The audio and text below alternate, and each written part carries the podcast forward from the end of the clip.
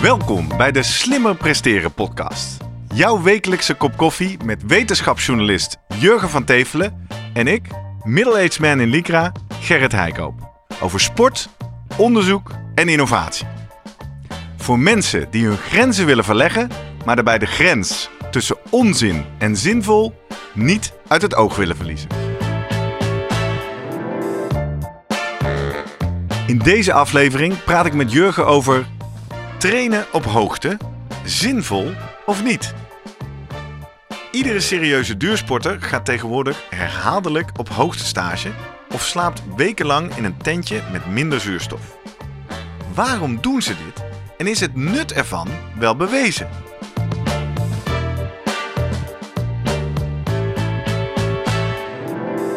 Voordat we beginnen, nog even drie dingen om aan te denken als jij zelf ook slimmer wil presteren. Nummer 1. Druk nu gelijk even op abonneren, zodat je altijd direct in de gaten hebt wanneer er een nieuwe aflevering online komt. Nummer 2. Weet dat je Jurgen en mij ook kunt boeken voor jouw volgende bijeenkomst als spreker of presentator. Neem gerust eens contact met ons op via de contactgegevens hieronder. En 3. Deze podcast wordt geproduceerd en gesponsord door Live Online Events. Serieus goede content rondom jouw congres of event. Check www.loe.tv voor meer info. Jurgen, goedemorgen. Ja, tijd voor een nieuwe bak koffie. En dit keer over een artikel wat jij geschreven hebt voor Sportgericht, het vakblad van eh, bewegingswetenschappers. Waarin jij eh, twijfels plaatst bij het eh, wetenschappelijke nut van een hoogtestage. Mhm.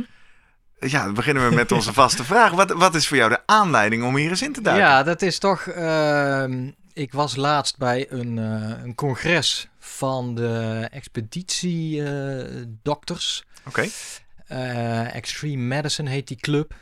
Eh, het zijn allemaal van die doktoren, ja, je, die, die eruit zien een beetje als, eh, als bergbeklimmers. Hè? Een beetje van die, die jassen ook van, eh, van die, die bergmerken, die skijassen en ook eh hikeschoenen, et cetera aan. Ja. Hele leuke club en eh, sportieve club. En die hadden dus een congres over extreme sports. Waarbij eigenlijk een zevental sprekers kwamen. En waarvan eentje ging vertellen, doodleuk. Nou, die, die hoogte training, hoogste stage die topsporters doen. Ik geloof er niet in dat dat eh, ze helpt om beter te presteren. Ja. Nou, daar ben ik even beter voor gaan zitten. En Ik wou zeggen, want de uitspraak ik geloof niet, dat is Nee. niet waar wij als en ik ga wetenschappers op jullie leunen. nu laten zien waarom.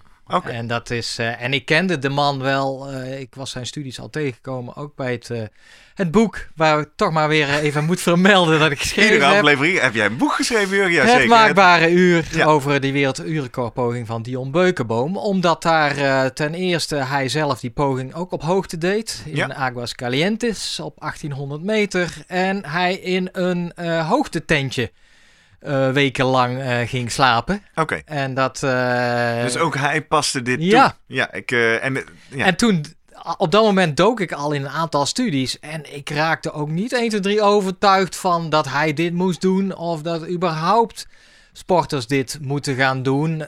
Om redenen van ja, hun, hun prestatie te verbeteren. Zo- maar dan wel, zoals altijd wordt uitgelegd. Door het kweken van meer rode bloedcellen. Ja, want dat is het idee erachter. dat is, ja. wat, is eh, wat ik als amateursporter weet. Als Ja. je op hoogte bent, is er, eh, nee, is er minder zuurstof. Klopt. En je lichaam gaat zich adapteren door meer rode zuurstofcellen aan te maken. En dat kun je dan hier in Nederland op laag niveau doen door in zo'n tent te gaan liggen. Ja, dat is eigenlijk het hele idee. Het is eigenlijk een, eh, de natuurlijke manier van bloeddoping of van een EPO-injectie. Je gaat op hoogte en je lichaam voelt van... hé, hey, hier zit minder zuurstof in de lucht.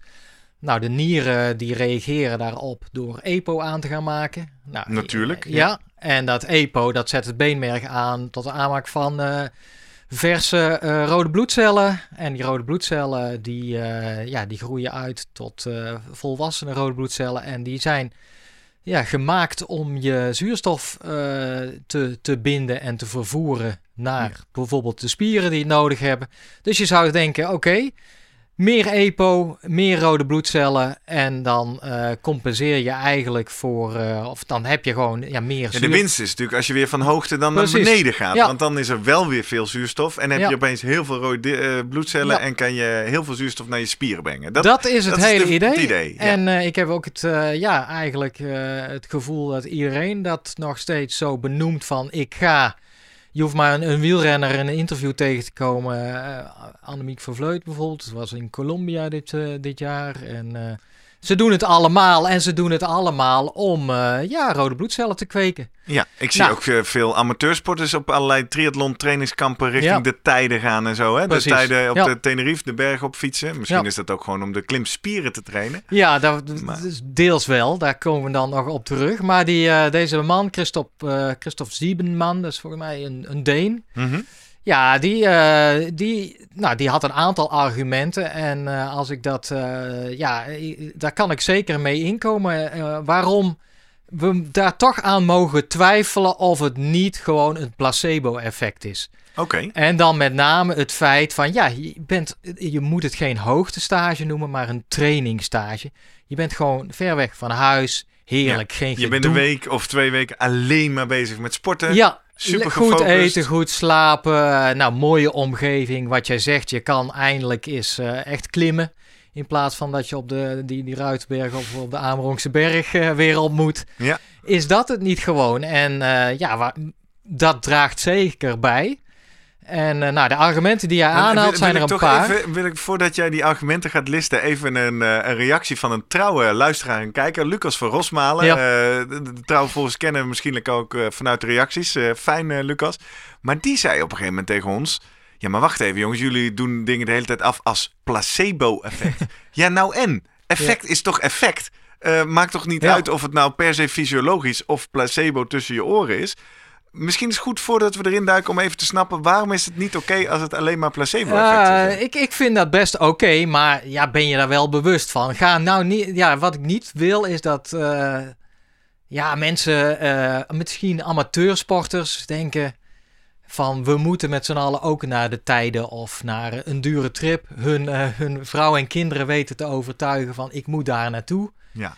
Om mijn rode bloedcellen te kweken. En dan ja, daar veel geld aan uit te geven. Daar, zit de crux, hè? Het zit- is meer de marketing. Ook Ja. in onze aflevering over herstelbevorderende maatregelen... naar aanleiding van het boek Klopt. van Christy Ashwanden, Good to Go... die eigenlijk ook zegt... al die hersteldingen, die, die pakken die je ziet... waar je met je benen in gezette ijsbaden, eiwitshakes... allemaal onzin. Ja.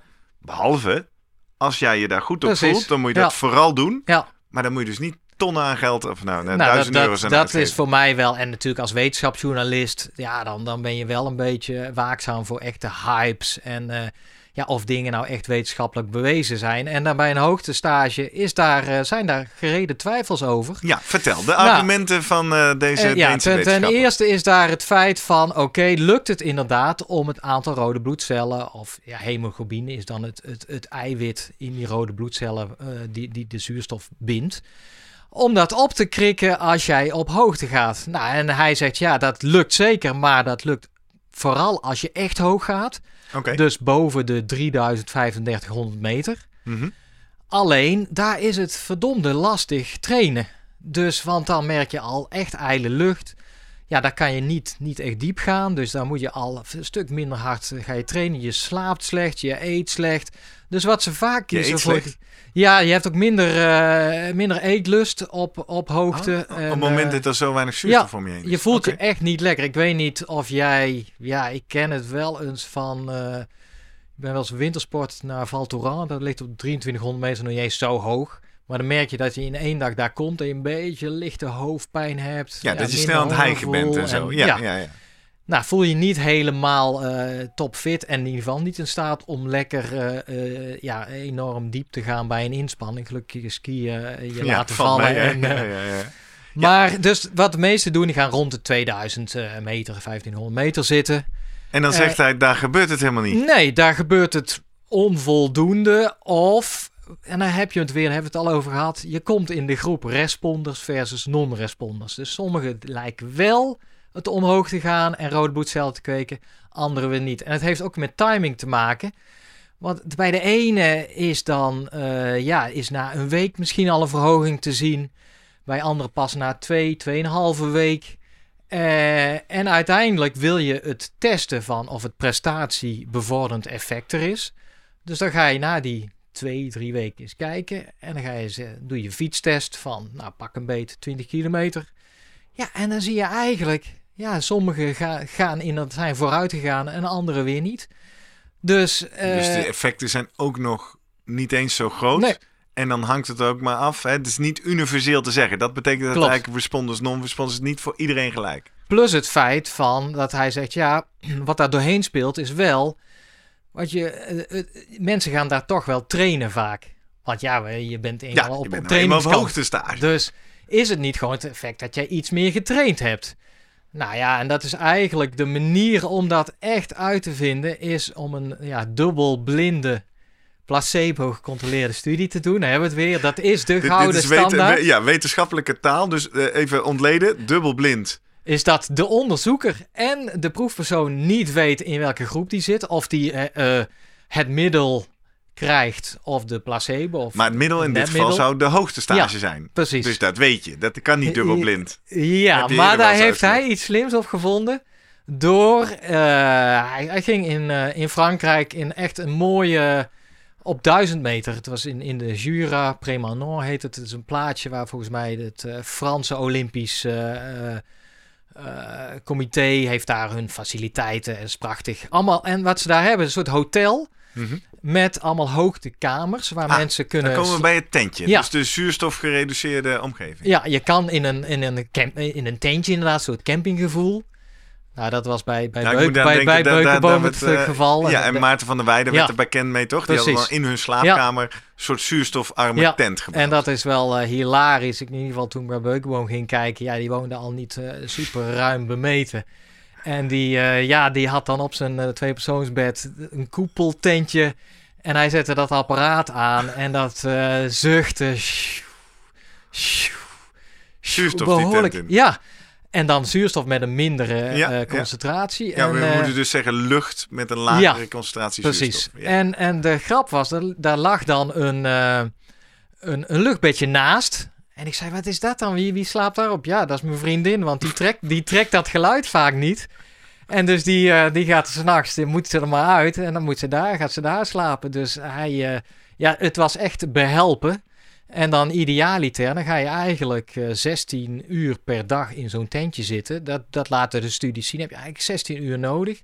Omdat, ja, wat, dan het gunstige weer is van het tentje, is dat jij eh, nou wel op eh, hoogte slaapt, Ja. maar eh, laag kan trainen. Ja. En dus wel vol kan trainen. En dus niet, want het, het- ja, ja, als je dan dan de literatuur tegenkomt, nou, dan hebben ze het allemaal over live high, train high of live high, train low. Dat is dus zo'n tentje. Ja. Eh, en alle live high, train low, high, noem maar op. Er zijn, zijn goed in afkortingen en alle mogelijkheden zijn er. Maar het belangrijkste is erom dat ze erachter komen, als je op hoogte echt zit, kun je nooit die intensieve trainingen doen die je gewend bent. Omdat je gewoon met minder zuurstof te maken hebt. Waar deels het lichaam probeert voor te compenseren door meer rode bloedcellen aan te maken. Maar dat, is toch, dat blijft onvoldoende. Je haalt nooit hetzelfde vermogen dan dat jij op, eh, op zeeniveau haalt. En dus kan je bijvoorbeeld, eh, waar we het in een eerdere aflevering over gehad hebben, het belang van bijvoorbeeld 20% Ja. intensieve trainingen voor spieropbouw en eh, snelheid. Klopt. Die kun je helemaal niet doen op dat moment. Precies. Dus daar lever je Ja. dan weer op in. Maar nog even terug, dubbelblinde studie. Ja. Dus, oh ja, de hoogtekamers, die hadden echt mooie slaapkamers, soort hotel. En daar, daar werd ook lucht ingeblazen. Ik denk wel wat fancier, met minder geluid dan bij, bij Beukboom thuis. Ja. En eh, nou, de, een groep goed getrainde atleten, die werd verdeeld over de kamers. En de helft, die kreeg dan echt eh zuurstofarme lucht Ja. Eh, dezelfde eh, ja, eh, concentratie als dat je op 3000 meter zit. Mhm. En de anderen die kregen eigenlijk gewoon op zeeniveau op. Zij zaten op normale 1000 lucht. meter. Ja. Ja, ja, ja. En Dus op die manier kun je testen of, het, Precies. hè, of kan je een, een blinde groep hebben. zij kregen precies hetzelfde trainingsprogramma voorgeschoteld, die twee groepen. Zij wisten zelf niet waarin ze zaten, de onderzoekers dus ook niet. En nou, wat bleek na drie weken? Uh, ging ze eerst naar. vragen van, oké, waar denk jij dat je in... Zat jij in een zuurstofarme kamer of niet? En van die, nou ja, twintig misschien deelnemers, had volgens mij één had het goed. Niet. Dus, dus was maar je echt... wil zeggen, dus, want ik zou dan denken, nou iedereen denkt, eh ook loopt de hijgen in mijn Ja. kamer, ik zit in zo'n kamer. Eh, maar je dus zegt dus, dus zowel de mensen die er wel in zaten als de mensen die Ja, niet in zitten, hadden hadden fout. toch echt het gevoel van, nou ja, ik, ik ben ook op hoogte. Of eh, misschien dus, daar zit ook een soort, eh, ja, misschien to- to- toen ik naar Val Thorens ging, had ik ook die, ja, we gaan wel naar 2300 Ja, meter. Ja, nou, dit, wordt zwaar. Dit wordt, Ja, ja, ja. Maar, en nou ja, dat is dus één. Maar ten tweede gingen ze toen gewoon de testen doen van de, de inspanningstesten. Ja. En er was dus geen verschil tussen beide groepen. En weer dat sommigen wel op vooruit gingen, ook als zij op eh, hoogte waren geweest, zeg maar. Op die... ja, maar ook dus op niet. Dat is maar eigenlijk ook relevant. niet. En de andere, dus het, eh, dat was eigenlijk, dat is de enige, of de, een van de weinige echt studies geweest, waar ze dus gezegd, uitgeconcludeerd hebben, ja, op deze manier lijkt er dus niet een verschil te zitten om op hoogte te gaan, om je prestatievermogen te verbeteren. En moeten we dan nog kritisch zijn over de smalle populatie? Ik bedoel, 20 Altijd goed, personen, ja. geen toppers. eh. We doen een algemene uitspraak. Ja. Daar kun je natuurlijk wat kanttekeningen. Maar je zei, deze Deense onderzoek had zeven argumenten. Of weet ik veel. Ja, dat was één. En dan daarnaast zei hij, oké, stel dat jij nou, en, nou, ten eerste wel een responder bent. Nou, dat was hij eerst al, zei hij, ja, let op. Eens een responder wil niet zeggen dat je altijd een responder hebt. En dan liet hij een andere studie zien, waar de mensen gewoon nou, na drie maanden opnieuw een, een op hoogste stage lieten gaan. En dan bleken ze dan in- dat geval juist niet te reageren, terwijl ze eerst wel een responder waren. Dus zei, ja, het is niet zo simpel dat je van tevoren kan zeggen, ja, jij bent een responder, jij niet. Mhm. Dat je dat kan afmeten aan bijvoorbeeld de hoeveelheid rode bloedcel die iemand van tevoren al heeft. Maar ehm, nou wat hij, ehm, ja, hij beargumenteerde aan de hand van de bloeddoping-experimenten.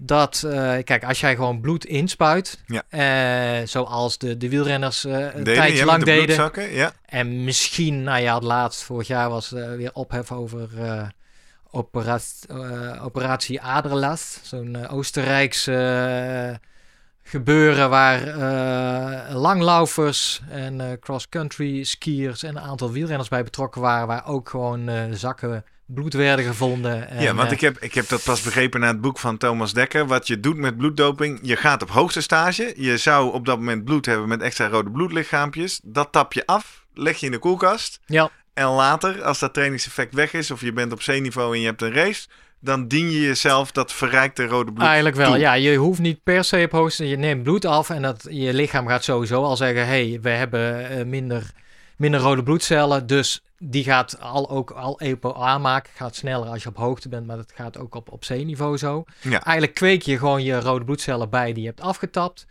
En op het moment dat je moet presteren, dan gooi jij jouw bewaarde zak bloed erbij. Mhm. Ja, en ineens van, eh, nou ja, normaal heb je 5 liter bloed, waarvan pak een beet, ja, 2 liter rode bloedcellen. En ineens prop je daar een halve liter rode bloedcellen bij. Ja, dus dat jij levert dus... ook al meer rode bloedcellen. Precies. En deze een- onderzoeker die zei, dit, die bloeddoping, dat, dat haalt ook nee, niet uit. nou, hij, hij had beargumenteerd, ja, er zijn studies die laten zien dat je vanaf 150, 200 milliliter dat je effect hebt als je dat toevoegt. Dus, je hebt niet eens zoveel lijkt het nodig. Dus microdosering, wat hot is in de dopingwereld, want je pikt dat moeilijk op. Mhm. Het zijn maar kleine hoeveelheden, maar die kunnen best wel effect hebben. Maar uit de andere studies haalde hij, ja, maar dat werkt bij amateurs eh, of recreanten prima. Maar die, die profs, die hebben van nature al iets meer rode bloedcellen. Daar moet je toch al snel richting de 400 milliliter aan, eh, aan rode bloedcellen eh, extra geven. Ja, dat haal je bijna niet op hoogte. Ook niet als jij dus een responder bent. Ehm, dus hij, ja, met, met dat argument ook zei hij van, nou ja, goed, ik, ik heb, ja, gaf hem de twijfels waarom hij zei, voor topsporters is een hoogtestage niet meer dan een trainingsstage. En laten we dat zo afspreken. Ik ga op hoogtestage, noem dat gewoon een trainingsstage. Ik ga lekker trainen, ik ga lekker slapen, eten. Ja, Ver weg van alle beslommeringen in een goed. mooie omgeving. Bij recreanten zou het wel iets sneller Ja, want ik kunnen hoor op, jou eh, net in een bijzin iets spannends zeggen. Waarvan Ja? ik denk, oh, laten we voorzichtig zijn. Want straks wordt de Slimme Oké. Presteren podcast gequote als de bron van al het kwaad. Maar jij zegt net even, Ja, bij amateurs hebben dit soort kleine bloeddopingen of microdoseringen Ja, wel effect. ja, zeker. Wat voor een experimenten doe je zelf, Jurgen? Ja, de, de- deze, nee, die, Eh, die heb ik nog niet gedaan, inderdaad. Nee, ja, maar daar ook, dat is een Deense studie. Die eigenlijk voor het eerst gekeken hebben van eh, wat is nou de minimale hoeveelheid rode bloedcellen die je moet geven om. En die vonden inderdaad dat je vanaf 150, 200 milliliter, eh, dat die groep iets harder ging fietsen. Dat, eh, Ja, ik wil Ja. nu toch ook even naar onze kijkers en luisteraars onze eigen professionele verantwoordelijkheid steten. Don't try this at home. In ieder geval niet omdat je het bij ons hebt gehoord. Ga die studie maar zoeken. Ja, en, eh, ja. ja. Andere. Zonder, ik wil niet te veel afdwalen, maar in datzelfde congres waar ik deze Ziebenman hoorde praten, was een, een ander verhaal. Ook heel interessant, van de Zweedse. En die, eh, die deed er jarenlang een studie bij eh, duikers. Ja. En nou, da- daar kom je dingen tegen. Hè? Als je echt records van duikers ziet. Mensen die kunnen 11 minuten hun adem inhouden bijvoorbeeld. Dat is Ja. record. Of duiken op één ademteug naar meer dan 100 meter diep. En die had ook gekeken bijvoorbeeld bij eh, ja, vissers in, eh, in Japan en eh, Indonesië die beroepshalve ja, eh, elke dag onder water zijn om vissen eh, te vangen met een speer of eventueel eh, schelpdieren.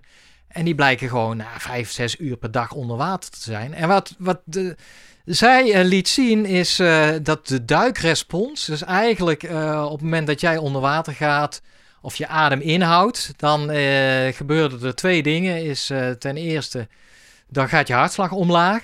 Eh, en ten tweede is dan knijpen eigenlijk je, je bloedvaten in je huid samen om zoveel mogelijk bloed naar je hersenen te laten gaan. En zij had dat gekoppeld aan hoe goed is je duikrespons aan het eh, eh, aan hoogteziekte bij, tijdens een expeditie van de Mount Everest. Oké. Dus hij had gewoon een, een groep mensen bekeken die naar de Everest gingen, genoteerd van tevoren hoe goed is je duikrespons en eh, word jij ziek, hoe goed kun jij tegen de hoogte. En zij vond een eh, duidelijke koppeling tussen die twee. Daarmee suggererend dat je eh, in plaats van dat een hoogte stage in de ijle lucht, dat je dat wellicht ook op andere manieren kan trainen. En dat, dat merk je dan ook. Je hoeft ook. Er zijn in die studies die er zijn, dus met die tentjes, noem maar op, zijn ook allerlei andere trainingsvormen waarbij mensen wel gaan trainen, maar wel met minder zuurstof vanuit een, een, een zuurstoffles, of in ieder geval vanuit een fles, of in een, in, een soort in een, in, eh, een, een hoogtekamer met minder zuurstof daar hun inspanning doet. Dus dat je tijdens je inspanning minder zuurstof aanbiedt, alleen dan niet wekenlang, of dan die 16 uur per dag wanneer je moet slapen, maar gewoon tijdens de inspanning zelf. En wat het idee daarvan is, is bijvoorbeeld dat jij, je gaat dan minder diep, want je kan, Mhm. zoals we al zeiden, met je spieren, die, eh, je belast daarmee ook eigenlijk bijvoorbeeld je pezen, eh et cetera, en je botten minder. Dus dat je eigenlijk wel je, je spieren enorm triggert tot aanpassingen, dus door, door eh, tot, tot adaptatie, zonder dat je daar blessures van krijgt. Dus met name goed voor de revalidatie. Nou, die, die verhaal van haar was eigenlijk, ga lekker onder water je duikrespons trainen. Ja. Want ook dat, dat merk En je. je duikrespons trainen is dus proberen zo lang mogelijk onder Ja. water te blijven. ja, dat is want een, daar een zijn die, die mensen die, eh, die, die is goed. Kun je gewoon in de badkuip doen, Ja, bij wijze van spreken. Ja, en dat is eigenlijk wat ik onthouden heb ook van dat verhaal. Dat is, en daar is een stukje bij dat je mild, die, eh, daar zit ook nog een voorraadje rode bloedcellen in. En als jij lang onder water gaat, dan gaat je mild eh, samentrekken en dan kun je die extra rode bloedcellen geven. Dus eh, voordat Doet, jij, doet mij denken aan... voordat je eh, met, met, met een bloedzak aan de slag gaat, eh, misschien Kun je eerder dat dit al, proberen? ook al... Ah, ja. zo kom je erop natuurlijk. Ja. Ja. om als amateur wat experimenten Precies, te gaan want doen. voor Ga je eens- weet word ik hier... Nee, nee, nee, die hebben we nu vaak genoeg gezegd. Wij betogen geen doping en Ja. experimenten. Als je dat doet, dan moet je het zelf maar weten. Laat het dan trouwens wel in de reacties even weten wat je hebt gedaan en wat je hebt geleerd. Maar dan komen we zo op. Ik moet even denken aan wat je zegt. Ehm, op onze maandagavond zwemtraining, die hopelijk eh, binnenkort weer kan, eh, eh, kan gaan plaatsvinden, zegt eh, Edwin ook eh, altijd, die doet om de zoveel tijd wel eens van die oefeningen, dat je moet gaan trainen met adembeperking. Hè? Dat je niet meer iedere slag, Klopt. maar dat je om de vijf of om de zeven keer ehm, eh, slaan gaat, gaat ademen. Ja. Is dat hetzelfde idee Ik of is denk- dat weer iets anders? Want hij Nee, roept dan altijd, train je je longen. Ik denk het zeker wel. Ja, kijk, er is een heel spectrum van. Kijk, die hoogtestage, dan ben je continu in een omgeving met, met minder zuurstof. Onder water, ja, eh, dan, ben, dan heb je gewoon nul zuurstof, zeg maar. Maar daartussen kan je lekker gaan spelen. Ja. En dat kan je dus inderdaad doen door, eh, ja, door in een hoogtekamer met, met minder zuurstof of een hoogtetentje. Maar je kan ook prima onder water. eh, Want Jurgen, nu ben ik toch een beetje in de war. Want Ja. we begonnen deze aflevering met de constatering van in ieder geval deze Deense wetenschapper dat het hele Ja. trainen op oogstage wellicht onzin zou zijn. Maar nu praten we toch over eh, de trainingseffecten van zuurstofbeperking. Ja. Dus nu, nu ben ik. Ja, nou ja, nou? en daar heb je wel een puntje waar hij ook uiteindelijk eh, wel op duidt. Hij zegt ja, we, een hoogtestage kan zeker helpen los van het placebo-effect als trainingstage. Zegt hij ja, maar gooi het dan niet op die extra rode bloedcellen of op die extra hemoglobine. Maar gooi het op eh, effecten die daar los van staan. Dus los van het bloedbeeld. Ja. En die zijn er ook wel, maar nog niet heel duidelijk. En dat is bijvoorbeeld wel dat je meer energiefabriekjes aanmaakt in je spieren. En dat je wellicht meer bloedvaatjes in je spieren kan aanmaken. En dat is dan niet zozeer, ja, dat meet je dan niet terug zo 1, 2, 3 in die prestatie. Maar ehm, er is wel een, ja, één studie gedaan in topatleten, waarbij ze één groep kreeg een hoogtestage en een andere niet. En wat ze gedaan hadden, ze hadden dan na afloop daarvan, hadden ze gezorgd dat die beide evenveel hemoglobine hadden. Mhm. Dus eigenlijk, sommigen hadden misschien meer hemoglobine door die hoogtestage, anderen hadden niet gereageerd. Maar ze waren begonnen met allemaal dat uit te middelen, of in ieder geval daarvoor, ja, ik denk de groepen dusdanig te maken dat de gemiddelde hemoglobines precies hetzelfde waren. Dus dat je niet kon zeggen, kijk, ze hebben een ander bloedbeeld, ze hebben een ander eh, aantal rode bloedcellen eh, en daarmee eh, meer, meer, kunnen ze meer zuurstof transporteren. Ja. Maar je had wel een groep die op hoogstage was geweest, anderen niet. En dan bleken die toch in een bepaalde test, die kan die niet helemaal, een sprinttest of zo, het beter te doen. En dat was een aanwijzing dat zei, hey, misschien is er wel meer aan de hand dan alleen maar die, die, die kweek van nieuwe, de aanmaak van nieuwe rode bloedcellen. Maar dus uh, aanpassingen op spierniveau richting misschien meer mitochondriën van die energiefabriekjes. Uh, en dat was die Sieberman kon dat ook niet uitsluiten dat dat er misschien doorheen, doorheen speelde. Maar hij benadrukt nogmaals: jongens, ik wil niet meer horen of lezen in de krant. Die en die atleet is uh, op hoogtestage naar inderdaad Tenerife of een mooi exotisch oord. Om zijn aantal rode bloedcellen op, op te, uh, te krikken. Laten we het gewoon over een, een, een trainingstage Ja, in, op ja, ja. Een, eh, in een leuke omgeving hebben. En, uh, Maar dan komen we natuurlijk op onze hoofdvraag van de Slimmer Presteren podcast. Zeker voor amateurs, hoogste stage zinvol of niet? Ook de titel van deze aflevering. Wat gaan we hier dan op antwoorden? ah, Want het wordt nu een beetje semantisch. ja, zeker. Uh, ja, ik- misschien wel zinvol, maar niet om er extra rode bloedlichaampjes aan te, Ja. aan te maken. Ja, maar als jij, kijk, ik, eh, ja, jij fietst ook, eh, denk ik, komt ook ja, niet ver voorbij de Amerongse berg vaak. Hè? Dat Klopt. is toch wel het. eh, Klopt. ja, en die kan je denk ik wel dromen, hè, Ja, inmiddels. ja. En dat zijn al die heuvels hier in de omgeving. In die zin is het fietsen in, eh, in de Alpen of eh, in de andere omgeving altijd aan te bevelen. Ja. Ehm, ja, maar de eh, essentie is dus die mythe van je gaat rode bloedlichaampjes kweken. Dat Klopt. is onzin. precies. Ja. En daarnaast hebben we dan nog allerlei nieuwe argumenten en excuses voor je aangedragen waarom je toch aan je vrouw Ja. kan verkopen, of aan je man, kan verkopen dat jij een paar duizend euro gaat uitgeven aan een mooie tra trainingstage, noemen we het dan, in de Ja. bergen of in de Alpen. Dat is dus eigenlijk wat het is. En ik vind ook nog eh, ja, het gemak waarvoor eigenlijk nu toch al die profploegen kiezen. Oh, Bij het wielrennen in ieder geval, maar triatleten ook. eh, Voor die, ja, we, als het, het adagium is toch, we moeten op hoogte eenmaal, dat hoort er nu bij. Ja, dan denk ik, kijk, stel dat er nou een atleet tussen zit die ja, heel veel last van heimwee heeft of zo. Juist gezin mist of, Of, noem maar op. hey, laten we even bij de actualiteit blijven. Eh, als we voorlopig nog niet op reis kunnen naar de Klopt. Alpen, Ja. kunnen we bij deze de hoopvolle bericht delen Ja, dat je gewoon op trainingsstage naar Drenthe kan. precies. Ja. En dat je daar ook echt wel heel veel effect gaat krijgen. Misschien wel meer dan die paar extra rode bloedcellen die je zou kweken in de Klopt. Alpen. Dat is eigenlijk de boodschap dus, hè? Ja. Nou, dat vind ik in deze tijden toch heel hoopvol. Nou, En ik ben benieuwd om van jou te horen hoe jij hier tegenaan kijkt. Eén, ga je wel eens op hoogste stage?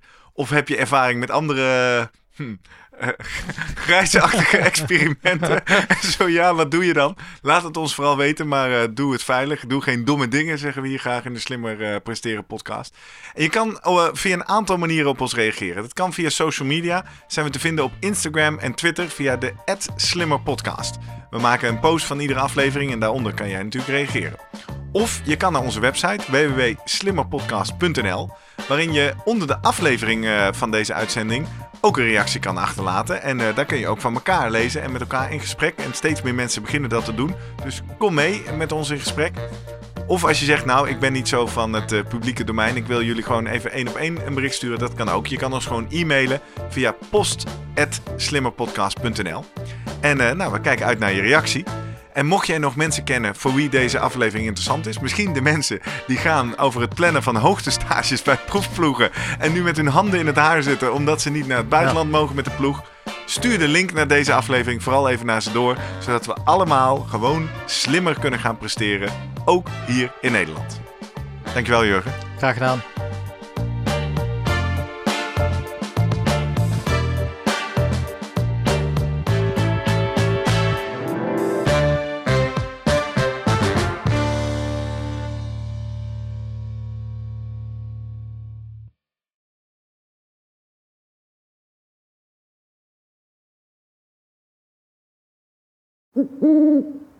Hey.